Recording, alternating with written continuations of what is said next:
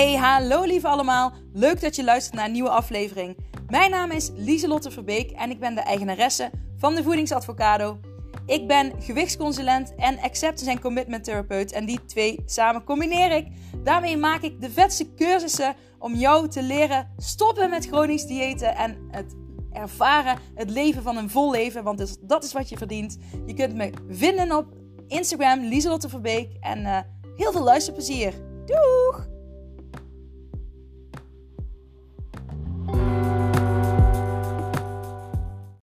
Hallo lieve jij, welkom bij weer een nieuwe aflevering van de podcast. Yay! Um, vandaag wordt een uh, ander soort podcast dan je wellicht van mij gewend bent, want um, nou ja, misschien, ik heb het wel al vaker gedaan, maar ik wil een stuk delen, delen uit um, het blad The Happiness wat ik dit weekend gelezen heb. Ik was dit weekend naar. Oh, is de camera nou vies? Even poetsen. Sorry, sorry voor de mensen kijken. Ik uh, ging even met mijn vinger in het camerabeeld, want de camera was vies, zag ik. Um, maar goed, ik was in Amsterdam dit weekend met mijn zoon, uh, met mijn zus en haar gezin. Uh, zij waren in Nederland. Ze hadden een feest. En ik had me aangeboden om op te komen passen. Dus ik ben met mijn zoon in, het weekend in Amsterdam geweest. En ik heb op mijn nichtjes gepast. En nou ja, wat tijd doorgebracht met mijn zus en uh, zwager. En uh, het was super vet. Aan het water. Uh, we hadden een hotel aan het water. Mega vet. Ik was heel vroeg opgestaan om de zonsopkomst natuurlijk te zien. Want daar hou ik van. En um, sommigen blijven liever langer liggen. Maar ik, ik, ik was om vijf uur volgens mij al wakker. Vijf uur half zes. Omdat ik al zoiets had van... Hmm, ik, is het al licht buiten? kan ik al gaan? Dus dat was wel heel vet. Ik heb echt genoten, even stilgestaan, om me heen gekeken. Ik was helemaal alleen, dus het was echt super vet. Um, dus weer een mooie ervaring erbij. Maar in de trein op weg naar Amsterdam um, had ik het uh, blad The Happiness, nummer 2 van 2022 is dit, waar, het, uh, waar ik het over heb. Dat had ik van mijn moeder gekregen. Dus ik dacht, oh, dat ga ik even lekker lezen. En toen stuitte ik op het verhaal van Anat Geiger hoop dat ik het goed uitspreek. Ehm, en het heet Ik voel het leven en de dood heel dichtbij. Normaal zou ik zulke verhalen overslaan, omdat ik uh, de dood eng vind. En nou ja, ik hou niet van nare verhalen. Uh, maar met van de andere kant uh, steek ik dan ook graag mijn kop in het zand. Voorheen althans. Tot dus ik uiteindelijk, eh, was het vorig jaar, vorig jaar was het toch? Vorig jaar Jullie weten dat. Jullie kunnen dat weten. Want ik heb het in een podcast besproken. Dus nee, maar het was vorig jaar. Toen heb ik het boek van Anita Morjani gelezen van uh, Ik moest doodgaan om mezelf te vinden. Dying to be me. En um, dat is dus een vrouw, maar zij was heel erg ziek. En zij, is ja, zij omschrijft dan een soort van uh, ja, bijna doodervaring die ze had. En wat ze daarin allemaal meemaakte. En uh, uiteindelijk is ze helemaal genezen. Mm. Maar goed, uh, dat is bij deze vrouw niet het geval. Maar ik vond het wel heel inspirerend wat ze allemaal uh, schreef in het interview. En daar wil ik graag stukjes van delen. Um, want ik denk uh, dat het ook voor anderen heel inspirerend kan zijn. En um, ik, ja, ik dacht, ik kan er wel steekwoorden uit gaan halen en het gaan vertellen in mijn eigen woorden. Wat ik ook al gisteren in een Instagram post heb gedaan. Maar ik dacht, ik, ik doe het artikel of het interview te kort als ik, um, als, ik, uh, ja, als ik het niet gewoon voorlees. Dus ik ga het een stuk, stukjes ga ik voorlezen. Um, zij is, uh, Anat is 56 jaar. zij is um, yoga teacher. ze, woont, ze woonde in Amsterdam. Nu is ze dus sinds ze volgens de wetenschap ziek is, ongeneeslijk ziek is, is ze teruggegaan naar haar thuisland Brazilië. Um, zij geeft yoga retreats en trainingen. En um, nou ja, nu is ze dus weer in. Um, ze geeft ook online yoga en meditatielessen voor de happiness. Nou, dat is even kort gezegd uh, wat zij doet. nou, ik ga een stukje voorlezen. Dus het is een beetje een andere podcast dan normaal, maar ik wil dit gewoon met jullie delen. Het is dus van The Happiness, het blad. Uh, Bruce Feiler schreef de New York Times bestseller Life is in the transitions. Ben je het met hem eens? Is het leven vooral voelbaar tijdens een grote verschuiving? Dit werd dus aan haar gevraagd. Haar antwoord was: hmm, ik ben het er uh, niet helemaal mee eens. Als we aan verandering denken, dan denken we vaak aan de grote gebeurtenissen: een scheiding, een nieuwe baan, geboorte van een kind, het verliezen van een dierbare. We houden ons vast aan het idee dat het een transitie is naar een nieuwe levensfase en als we onszelf daar doorheen worstelen, we ontdekken waar het leven om draait. Maar feitelijk is geen dag, geen uur en zelfs geen minuut hetzelfde. En je lichaam is vandaag ook helemaal anders dan gisteren. Het is niet zo dat het leven zich alleen tijdens de grote veranderingen ontvouwt. Het leven ontvouwt zich elke dag, in elk uur en in elke minuut. Dit vond ik echt een heel mooi stukje. Um, het laat zien dat je dat elke dag, elke minuut, elk uur anders kan zijn, dat je, dat je dan verandert. En uh, wat ik hier zo mooi aan vind, is dat um, dit voor mij ook zegt dat je elke minuut een andere keuze kunt maken. Elke minuut kun jij ervoor kiezen om te gaan leven naar hoe jij het leven wil leven. Dus uh, je kunt daar elk moment voor kiezen. En dat zijn al die kleine stapjes, al die kleine veranderingen die, die daaraan bijdragen. Dat uh, deed dit stuk mij heel erg oproepen. Ja, ik drink nog steeds koffie tussen, tussen de, door tijdens de podcast, uh, maar we gaan verder. Verandering is de enige constante. Oh, rare zin eigenlijk. Verandering is de enige constante in ons leven. Is een van de grote concepten in de yoga. Toch vinden we verandering vaak moeilijk. Waarom houden we zo vast aan zekerheden? Dat werd haar gevraagd. En zegt zij: Het idee van stabiliteit is verleidelijk. Het geeft ons een gevoel van rust en veiligheid. Maar het is een illusie. illusie. We creëren in ons leven een verhaal met valse zekerheden. Je staat s ochtends op, gaat naar werk, ziet dezelfde mensen als gisteren, doet boodschappen en je gaat weer naar huis.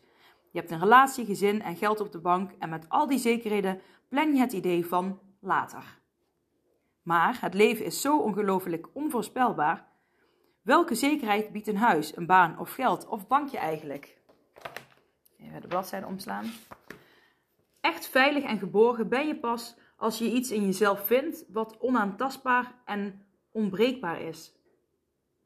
Ook al verandert alles om je heen, al stort je hele wereld in. Jij weet wie je bent en wat je waard bent. Een scheiding is verschrikkelijk, maar je gevoel van veiligheid en eigenwaarde kan daar helemaal los van staan.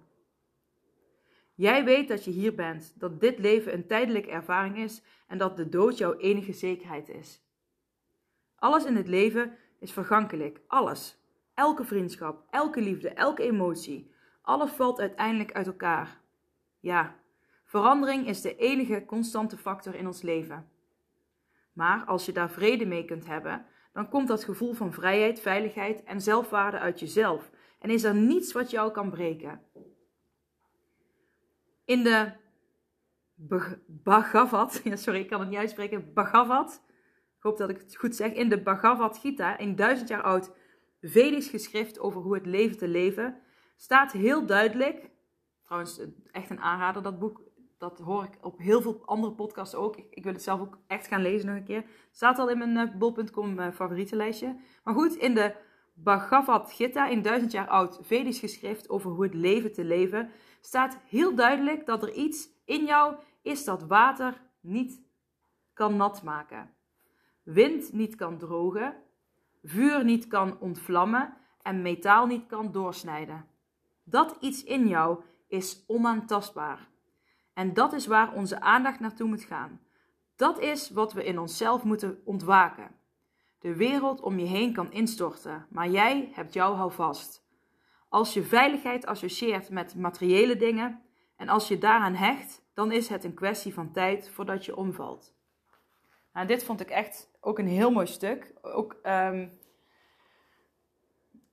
als je weet uh, wat je wil, wie je bent, welke richting je op wil leven, dan kan je materialistische wereld, uh, nou, hè, er kunnen erge dingen om je heen gebeuren, maar jij kan nog wel die persoon blijven die, um, uh, die dat blijft doen, die dat blijft volgen, die naar zichzelf luistert, die geluk en um, plezier in het leven uit zichzelf en vriendelijkheid, liefde ook uit zichzelf kan halen. En dat vind ik zo mooi naar voren komen in dit stuk, maar ook het stuk van het de materialistische dingen, waar ik het afgelopen twee podcasten, geloof ik, of twee daarvoor, ook over heb gehad. Van hè, mensen willen steeds meer, meer, groter, groter. En je gaat je aan een huis hechten. Ik denk ook altijd, het huis waarin ik woon, hè, dit is nu tijdelijk, is dit mijn huis. Maar ik weet dat dit niet altijd voor mij zou zijn. Hè, daar komen weer nieuwe mensen in wonen uiteindelijk. En nieuwe. Dus ehm, ik ben wel gehecht in, in dat opzicht aan het huis. Maar als ik ergens anders zou gaan wonen, dan zou ik hetzelfde kunnen voelen. Omdat ik het uit mezelf kan halen. En dat is ook wat zij um, hier bedoelt. Hè? Je mag die veiligheid, uh, de, de eigenwaarde uh, uit jezelf halen. En niet laten afhangen van uh, fysieke dingen die dus veranderen om je heen. Um, we gaan door. Datgene wat zo onaantastbaar is, is dat de ziel? Wordt haar gevraagd. Ja, dat is de ziel. En ik weet dat mijn ziel na dit leven verder reist. Dat ik ziek ben vind ik verschrikkelijk. Maar mijn ouders, eh, voor mijn ouders en natuurlijk ook voor mijn man, met wie ik al 30 jaar samen ben. De artsen zeggen dat ik ongeneeslijk ziek ben. En dat zal waarschijnlijk ook zo zijn. Maar who knows? Ik zelf heb vrede met het idee van de dood. Doodgaan is voor mij niet echt een probleem. Uh, nou, voor, mij wel, voor haar niet. Um, het is een beetje verdrietig soms, pijnlijk zelfs. Maar het is ook zo open, zo bevrijdend, zo echt. Iedereen zegt, wat erg dat je kanker kreeg. Wat een stigma. Er gebeurt iets met je en iedereen reageert met wat vreselijk. Maar is het echt zo erg? Soms vind ik het het beste wat me ooit is overkomen. Alsof al mijn keuzes, al mijn patronen, de hele brei van mijn pad zich duidelijk ontvouwt en ik dingen kan begrijpen en verwerken zoals ik dat nog nooit eerder uh, voor mogelijk had. Dat is alles behalve vreselijk. We gaan allemaal dood, gelukkig maar. Het is echt geen drama. Nou, dat zegt zij. Dat vind ik um, nou gewoon mooi dat ze dat zegt. Dat zij dat zo ervaart. Dat je dus dat ook op die manier kan ervaren. Uh, ik als hypochonder. um, al, ja, zoals ik al zei op het begin. Ik zou normaal al die stukken overslaan. Um, maar juist denk ik. mensen die in zulke situaties zitten. Daar kun je heel veel van leren. zij kunnen namelijk heel veel wijze lessen delen die, die wij niet kunnen ervaren omdat we niet in die situatie zitten. Dus het enige wat we kunnen doen is inderdaad die verhalen lezen en ons laten inspireren en uh, hè, vanaf deze minuut iets anders gaan doen, zodat wij meer die veiligheid en dat, um, dat stukje eigenwaarde meer in onszelf naar voren gaan halen en dat meer gaan leven. Hè, dat je meer naar je eigenwaarde gaat leven vanaf nu. Um, dus dat is wat ik daaruit haal. We gaan verder. Er wordt in deze maatschappij heel veel waarde gehecht aan ons fysieke lichaam, aan uiterlijkheden. Is dat iets wat je nu vanuit een ander perspectief ziet? Wordt haar gevraagd. Even een slokje. Mm. Ons uiterlijk, mijn god, wat een ongelooflijk monster is dat. En zeker voor vrouwen. Hoeveel tijd besteden we wel niet aan ons uiterlijk? Haarverven, benen waksen, wenkbrauwen in model. Er goed uitzien is belangrijk, tuurlijk. Maar besteed je ook nog tijd aan je innerlijke wereld. Want dat is uiteindelijk de enige plek waar je rust kunt gaan vinden. Als ik nu terugkijk naar hoe ik als tiener was, dan zie ik een prachtig meisje. Totaal geobsedeerd door haar lichaam, omdat ze 5 kilo zwaarder was dan haar vriendinnetjes. Later werd ik actrice en danseres. Alle rare diëten die ik heb gevolgd, omdat iets zwaarder zijn in. Oh, sorry. Alle rare diëten die ik heb gevolgd, omdat iets zwaarder zijn in doodzonde was. Die zin klopt niet. En als je, maar dat maakt niet uit. En als je dat allemaal een beetje achter de rug hebt, zie je de eerste tekenen van het ouder worden. Rimpeltjes in je gezicht, borsten die opeens gaan hangen. Nu weet ik, dat is helemaal niet erg als je dat ontastbare in jezelf vindt. Dan vind je een schoonheid in jezelf die je nooit verliest. Ook als je niet voldoet aan een opgelegd schoonheidsideaal. Want je innerlijke schoonheid wordt alleen maar mooier en sterker en schijnt overal dwars doorheen. Ik ben yogalerares, was 30 kilo zwaarder dan ik nu ben en ik heb geen 100.000 volgers op Instagram. Maar mijn lessen, teacher, training en retreats zitten altijd vol. Ik heb duizenden mensen op de yoga mat gehad. Als ik kijk naar wat heel lang een ideaalbeeld van een yogalerares was en hoe belangrijk Instagram is, dan denk ik, Hoe kunnen mijn lessen zo vol zitten? Het is altijd moeilijk van jezelf te zeggen waar je grootste kracht ligt. Maar wat ik van mijn studenten hoor, is dat ze geraakt worden door wat ik zeg tijdens de les. De verhalen die ik deel, de inzichten uit de yoga-filosofie en uit mijn eigen leven. Dat spreekt mensen blijkbaar aan. En daar heb ik mijn uiterlijk niet voor nodig. Ik ken mijn leven, mijn zwaktes en mijn proces zo goed, omdat ik elke dag kijk naar wat er gaande is. En wat ik zie, deel ik tijdens de lessen. In de eerste 10, 15 jaar dat ik les gaf, sprak ik alleen over de houdingen. Nooit over mezelf en zeker niet over mijn zwaktes. Wanneer dat veranderde en waarom ik opeens over emoties en onze innerlijke wereld begon te praten, is een van de mysteries in het leven. Het enige wat ik weet, ik denk dat dat inspired action is uh, hè, vanuit de universe, maar het enige wat ik weet is dat dit in, is wat ik te geven heb. Ik ga diep naar binnen en laat mezelf zien. En als datgene wat uit mijn ziel komt iets raakt in een ander, dan raken zielen elkaar. Ik geloof dat in oprechte connectie tussen zielen het enige is wat de wereld kan redden. Want er is niets zo interessant en zo waardevol als onze ziel. Als jouw ziel samenkomt met andere zielen, dan kunnen we de frequentie van deze wereld verhogen. Nou, en dat vond ik gewoon heel mooi. Um, Zeker omdat dit eh, iets, uh, iets is wat ik heel veel in mijn praktijk tegenkom, maar waar ik ook zelf mee geborsteld heb. Um, hè, dat je altijd wel iets negatiefs van jezelf kan vinden. Um, je vergelijken met anderen. Denken, ik ben pas goed genoeg als ik ook bijvoorbeeld die 100.000 op Instagram heb. Of wat dan ook. En um, uh, dat stukje ben ik zelf al...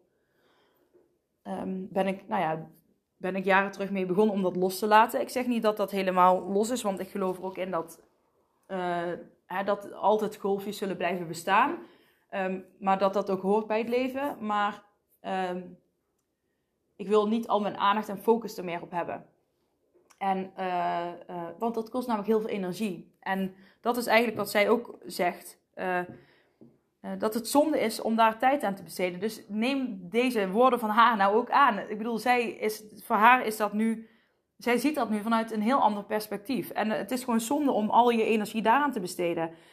En wat ik mooi vind is wat ze zegt, is dat mensen haar gewoon leuk vinden, naar haar komen om, om wie zij is. En dat heeft niks met haar uiterlijk te maken, met hoeveel volgers je hebt of wat dan ook. Het heeft puur te maken met wie zij is. Dus als je aandacht besteedt. Um, ik bedoel, tuurlijk mag je er verzorgd uitzien. Dat vind ik ook leuk uh, om, om daar aandacht aan te besteden. Uh, niet dat ik nou, voor, ik heb nu mijn haren nog niet eens gekamd. maar, um, nou ja, omdat ik krullen heb, doe ik, uh, ja, ik heb slag. Kam ik ze niet altijd, meestal was, gewassen zijn, bla bla bla. Maakt niet uit. Maar ik bedoel, probeer um, uh, in plaats van heel veel alleen maar op je uiterlijk bezig te zijn, met je uiterlijk bezig te zijn, ook gewoon aandacht te besteden aan je binnenkant. En hoe vet is het om daar eens een keer, in plaats van alle crèmpjes, make-ups, ik bedoel, die gebruik ik ook. Vind ik heel fijn.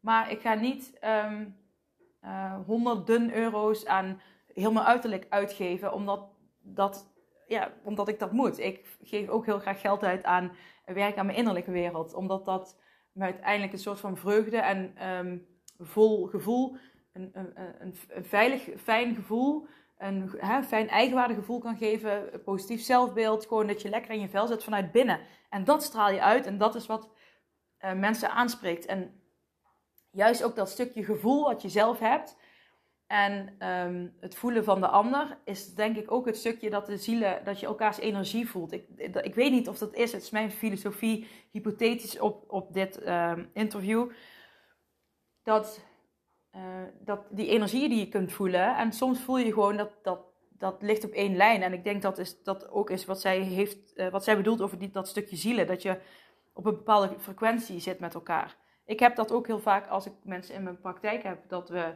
ja, op een bepaald level samenkomen. Maar ja, dat is misschien nog een uitgebreider onderwerp van andere aflevering. We gaan door. Um, Um, hoe, kunnen, pardon. hoe kunnen we in contact komen met onze innerlijke wereld en hoe kunnen we deze ontwikkelen? Dat wordt er aan haar gevraagd. Zij zegt: Anders dan ons uiterlijk is ons innerlijk een heel ongrijpbaar concept.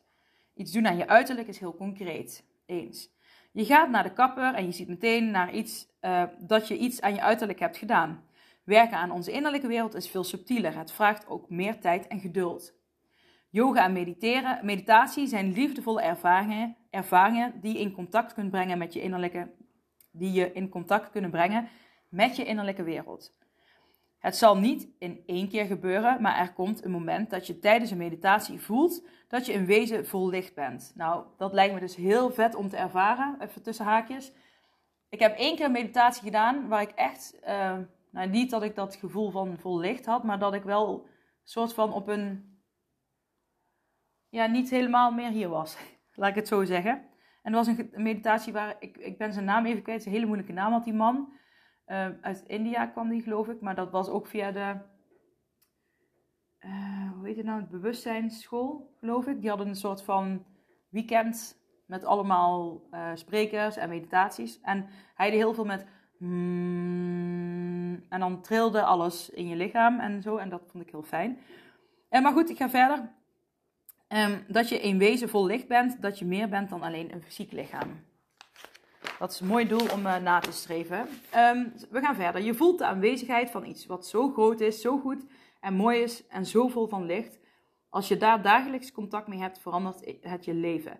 Ik heb me lang geschaamd voor mijn lichaam toen ik nog heel dik was. Maar de schaamte was ook een reden om contact te maken met mijn innerlijke wereld.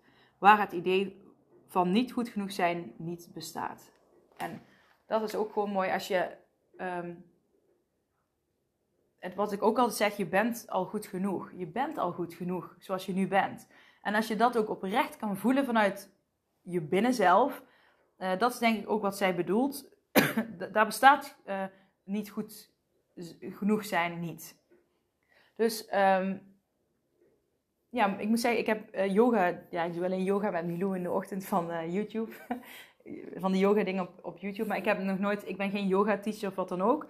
Maar meditatie heb ik natuurlijk wel vaker gedaan, doe ik ook nog steeds. En eh, dat, ja, dat is ook heel fijn. Ik heb het ook met schrijven, journalen, dat je dan echt vanuit je intuïtie schrijft. Dat je ook echt, um, nou ja, even loskomt van het hier en nu, maar ook niet in het heden of verleden bent. Maar ja, ergens anders. um, even kijken, worden de lessen die je in dit leven hebt geleerd en de inzichten die je die het leven jou gaf extra vergroot of verhelderder nu je ziek bent? Wordt haar gevraagd. Ik leefde voor mijn werk en had de illusie dat ik op een bepaald, bepaalde manier mijn werk moest, moest doen. Werken, werken, werken en geld verdienen. Van het ene op het andere moment heb ik alles losgelaten en ben ik naar Brazilië gegaan. Ik was erg verzwakt en ik moest alles een plek geven. Ik had tijd nodig om te verwerken dat de dood niet langer iets abstract is in de toekomst. De dood houdt me nu dagelijks gezelschap en ik weet nu dat de dood geen vijand is. De dood is wat ons mens maakt. Het moeilijkste was het loslaten van het idee dat ik van Annette had. Of Anat. Uh, zij heet dus Anat. Anat is sterk, Anat is gezond, Anat eet al 30 jaar biologisch en vegetarisch, Anat mediteert elke dag, Anat kan niet ziek worden. Een van de grootste denkfouten die alternatieve mensen maken, nou is een shocking, shocking voor heel veel mensen misschien, is denken dat wij ons lot 100% kunnen bepalen en sturen en dat wij het universum kunnen manipuleren. Om, uh, om ons precies datgene te geven wat wij willen. Wat een onzin. Het is zo kinderlijk en zo materialistisch. Er is veel wat wij kunnen doen, maar we zitten ook in de enorme flux van een oneindig universum met heel veel krachten, wetten en dimensies. Het doel van het leven is niet alles krijgen wat jij wilt. Het doel is liefde en schoonheid halen uit alles wat op jouw pad komt. En dat vond ik ook een mooie. Um, even een slokje. Van mijn koude koffie. Um, nee, dit vond ik heel mooi. Um, en wat ik hier vooral. Uh, nou, zij zegt ook van je hebt ook een bepaald beeld. En dat zie ik vaker omheen hoor. Van uh, mensen die een bepaalde baan hebben. En die baan valt weg. Uh, bijvoorbeeld um, omdat ze het fysiek niet meer kunnen. Of, of geestelijk. Of whatever. En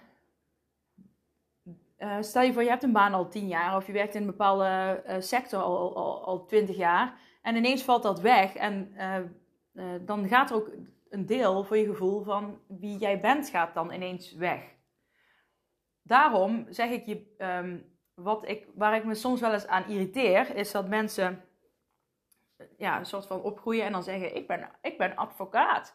Niks tegen advocaat of zo, hè? maar gewoon dat ze, en ik ben dit, dat ze hun status en heel hun wie zij zijn laten afhangen van het beroep wat zij hebben. Het is maar een beroep. Ehm, ik vind dat ook lastig om zo te zien, want ik leef, hè, net als zij zegt, ik ben gezond, ik ben dit, ik doe dit. Ik leef ook de voedingsavocado. En als dat zou wegvallen, um, ik heb er al over nagedacht natuurlijk. En toen dacht ik ook, ja, dan zou ik gewoon nog wel gewoon precies hetzelfde proberen eh, te leven. Dus dan zou mijn werk, het contact met de klanten zou dan wegvallen, maar ik zelf zou gewoon nog zo doorgaan te leven. Uh, in hoe, ja, wat de mogelijkheden daarin zijn. Hè, lezen, podcasten, schrijven, uh, buiten zijn in de natuur. En, en uh, dat is wat mij mij maakt. Dat vind ik fijne dingen. Maar als ik alleen maar bezig ben met werken en het werk mij helemaal laat bepalen van dit ben ik. En als dat werk dan wegvalt, hè, als je dan ineens op pensioen gaat of weet ik veel, wie ben je dan nog? Wat, wie ben je dan nog? En dat zie ik vaak. Dan vallen, kunnen mensen echt ineens in een heel zwart gat vallen. En daarom is het zo belangrijk om eh, te weten wie jij bent. Ik hoop dat je me nog kunt volgen. En dat is ook wat zij uh, zegt. En het stukje wat over alternatieve mensen zeggen, dat gaat in mijn ogen, heeft het over de Law of Attraction. Uh, daar geloof ik ook in. Alleen zij heeft het over dat mensen denken dat ze 100% hun lot kunnen bepalen door het universum te manipuleren. Hè? Dus dat je. Um, nou ja, daar ben ik het ook niet mee eens. Omdat ik weet vanuit de theorie. Je kunt niet uh, eh, 100% controle hebben over je eigen leven. Maar je kunt wel. Um, je hebt wel een bepaalde percentage. Ja, ongeveer 20, 25% Heb je invloed. En daar geloof ik dan wel weer dat je die uh, Law of Attraction op kunt toepassen. Um, nou ja, daar heb ik ook allerlei vanuit Acceptance en Commitment Therapie technieken natuurlijk die je erop toe kunt passen. Dus, um, en als je dat stukje van controle wel hebt, dan heb je misschien wel, ervaar je misschien wel als 100% uh, eh, controle. Maar ik kan, je kan, als je denkt dat je alles 100% kunt controleren, dan ga je uiteindelijk ook vastlopen en uh, dat gaat jou uiteindelijk tegenwerken. Ja, ik geloof in energieën. Ja, ik geloof dat je daar invloed op kunt hebben. Maar nee, dat is niet 100%. Dus ja, dat is zoals ik het ook zie. Um, en um, nou ja, ze zegt, je moet niet uh, leven om alles te krijgen wat je wil. Nou, dan komt dat stukje weer, alles moet groter, beter, wanneer is het af? Uh, voor mijn gevoel weer terug. Het doel is om liefde en schoonheid te halen uit alles wat op jouw pad komt. En dat vind ik gewoon mooi. Alles, neem eens de tijd voor dingen die op je pad komen. Gewoon neem eens de tijd voor dingen. Ik deed ook alles altijd super snel, snel, slordig afmaken. Um, uh, maar nu neem ik veel vaker, niet altijd, veel vaker de tijd voor alles. Gewoon als ik iets doe, dan zeg ik ook tegen mezelf: Lieslot, neem er tijd voor. Want als je de tijd voor iets neemt, dan um, wordt het ineens een veel fijnere ervaring. En je wordt ook veel blijer met het resultaat. Als ik bijvoorbeeld een la opruim en ik doe het snel, snel, dan. Hmm, maar als ik het dan, ik doe heel vaak hier laders helemaal eruit en dan ga ik het à la Maricon doen, ga ik het dan weer inladen. En dat doe ik dan, dan neem ik de tijd voor en dat geeft echt een heel fijn gevoel. En um, ja, dat is uh, ook op langzaam eten, langzaam koken. Uh, ook gewoon de tijd nemen om de kinderen in bed te leggen. Gewoon overal de tijd voor nemen. En kun je niet overal de tijd voor nemen. Dan moet je zorgen dat je meer tijd hebt om de tijd te kunnen nemen. Dan heb je een te volle agenda. En je gaat niet zeggen dat je er niks aan kan doen, want daar kun je wel iets aan doen. En dat zijn verantwoordelijkheid nemen, eigen keuzes maken. Oké, maar we gaan verder. We zijn bijna klaar. Wat betekent de dood nu voor jou? werd haar gevraagd. Voor een yogaleraar is dit een cadeau. Alleen maar praten over yoga-filosofie, over loslaten, leven in het nu en het vinden van innerlijke rust is het niet meer voldoende. You have to walk the talk. Dat loslaten was moeilijk en deed ongelooflijk veel pijn. Maar als, je, als het je lukt om al die lagen van jezelf af te pellen, dan komt er ruimte voor zoveel vrijheid en energie ik put zoveel steun en vriendelijkheid uit mezelf. De enige manier waarop ik het kan uitleggen is via metafoor. In de 25 jaar dat ik yoga deed, heb ik een boot gebouwd. En toen de storm kwam, had ik een boot. Soms gaat de storm alle kanten op, maar ik, ik heb mijn boot. Dus dat vind ik een hele mooie metafoor. Dus omdat zij zelf dus zo erg aan haar innerlijke boot heeft gewerkt, kan ze nu, terwijl ze in een storm leeft, uh, gewoon op de veilige boot zitten. Dus ik vind een hele mooie metafoor. Dat is wat inner work voor jou kan betekenen. Ehm, het laatste stukje. Wat is de belangrijkste les die je sinds je ziekte hebt geleerd? En dan zegt zij: Ik heb heel veel fouten gemaakt en ik heb mezelf vreselijk behandeld. Niemand is strenger en harder voor mij geweest dan ikzelf. Ik ben een vrede meester voor mezelf geweest. Maar ik handelde uit onwetendheid. Het kwam voort uit de overtuiging dat ik niet goed genoeg was. Dat heeft niets met mijn ouders of met mijn jeugd te maken. Het is mijn karma. Een consequentie van keuzes die ik in andere tijden en in andere levens heb gemaakt. Wat ik geleerd heb, is dat liefde het enige is wat ertoe doet. En dat klinkt echt als een cliché, maar het is waar. Dankzij yoga heb ik geleerd altijd voor de liefde te kiezen. kiezen. Ik kan oprecht zeggen dat ik mijn leven uit liefde geleefd heb. Ik kijk naar mijn leven en ik zie de keuzes die ik heb gemaakt. Mijn relatie, vriendschappen, werk, het is allemaal op liefde gebaseerd. Nu ik ziek ben, krijg ik zoveel liefde van de mensen om mij heen. Ik weet dat sommige concepten zoals reïncarnatie en karma twijfelachtig zijn voor heel veel mensen. Voor mij zijn het inmiddels geen intellectuele concepten, maar het is een werkelijkheid die ik ook daadwerkelijk ervaar. Maar is het een werkelijkheid? Oh, sorry. Ik weet dat als dit fysieke lichaam op is, onze ziel verder gaat en in een andere, in een andere vorm. Als ik in een heel diep meditatieve staat ben, komt er soms een herinnering of een glimp door van andere levens. Heel vet.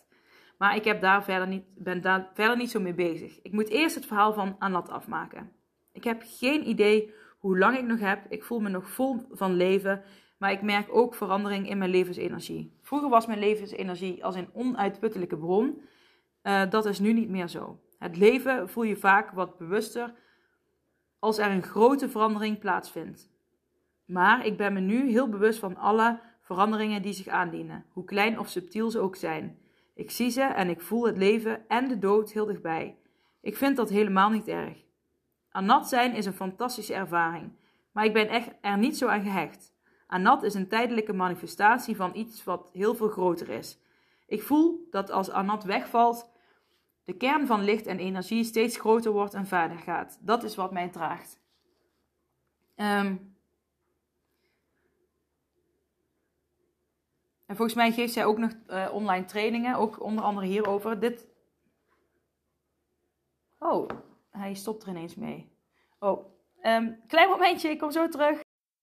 Yes, yes, uh, daar ben ik weer. Mijn uh, camera was vol, dus ik moest even snel wat ruimte vrijmaken. Maar daar ben ik weer. Het, het artikel is afgelopen. En zoals ik zei op het einde, Anat, geeft ook um, nog trainingen, ook onder andere hierover. Ik vind het echt een heel inspirerend verhaal. Ook op het einde dat ze zegt: Ik ben. Um, uh, dat niemand strenger en harder voor haarzelf is geweest dan zijzelf. Dus dat is ook wel echt een les um, die we kunnen meenemen uit dit verhaal, dit interview.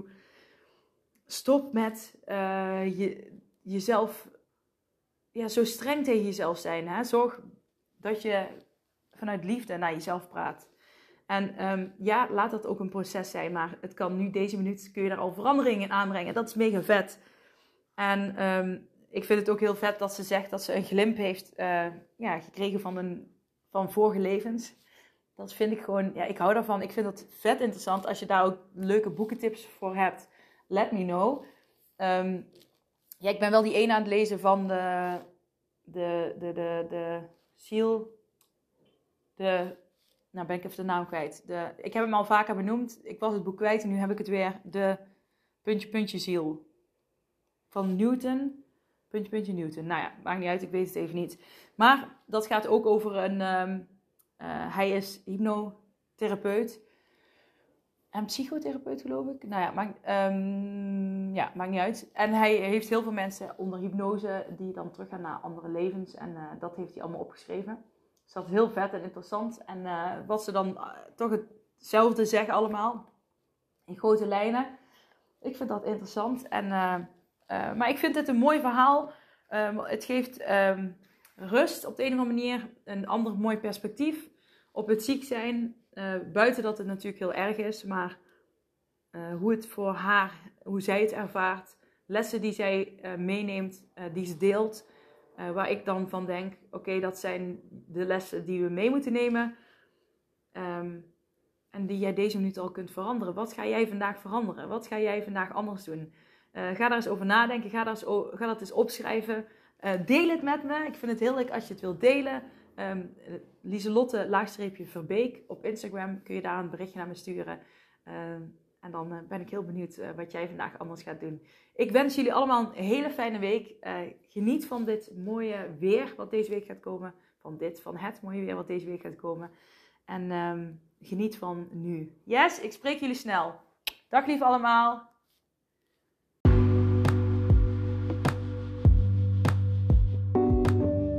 Hey, superleuk dat je deze aflevering van mijn podcast hebt beluisterd. Zou je alsjeblieft één dingetje terug willen doen voor alle waarden die ik deel? En dat is mij op Spotify 5 sterren geven. En um, vind je de aflevering leuk? Deel hem dan vooral op Instagram of met familie, vrienden, collega's, wat dan ook.